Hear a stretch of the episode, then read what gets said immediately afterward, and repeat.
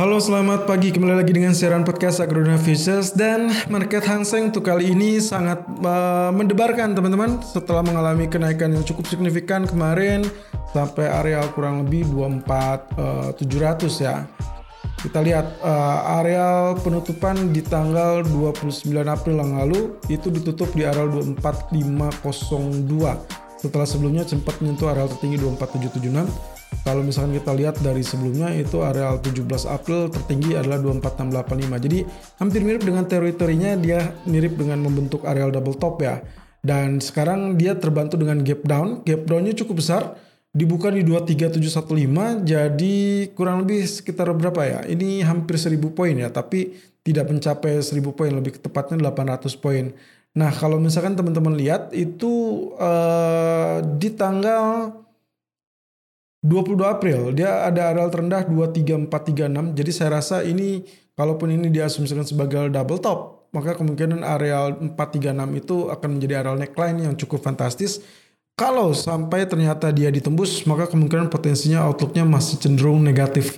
Jadi akan ada tekanan. Terlebih kalau misalkan kita lihat dengan uh, uh, grafik sebelumnya yang pernah saya share, saya pernah mengingatkan selama dia di bawah 50% Fibonacci retracement 23869 atau 2870, maka kemungkinan dia masih masih akan kecenderungan masih tetap didominasi dengan uh, bearish trend.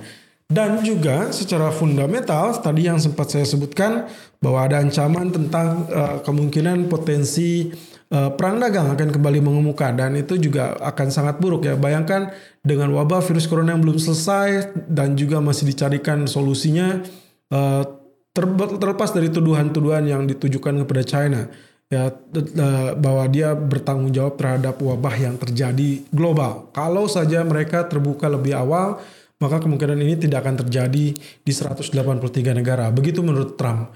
Dan uh, juga ancaman dari perang dagang juga berasal dari dari AS ya. Tentunya ini semakin uh, sudah jatuh tertimpa tangga. Kurang lebih itu mungkin peribahasa yang cukup logis untuk uh, China.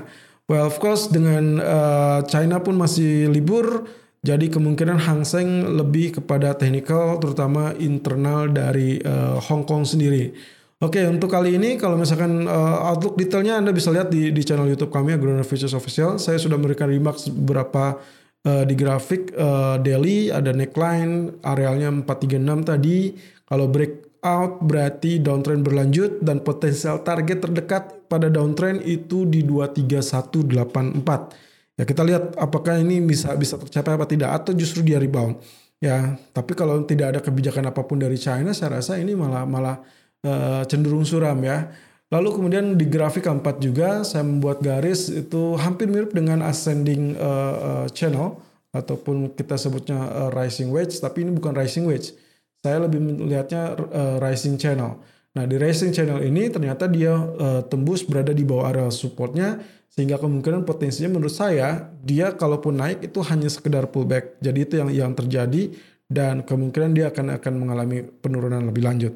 Targetnya sebetulnya kalau saya lebih kepada sell on pullback di area 23685 ataupun 23690. Targetnya pertama di 23625 yang terdekat. Target kedua adalah 23555 ya 23555.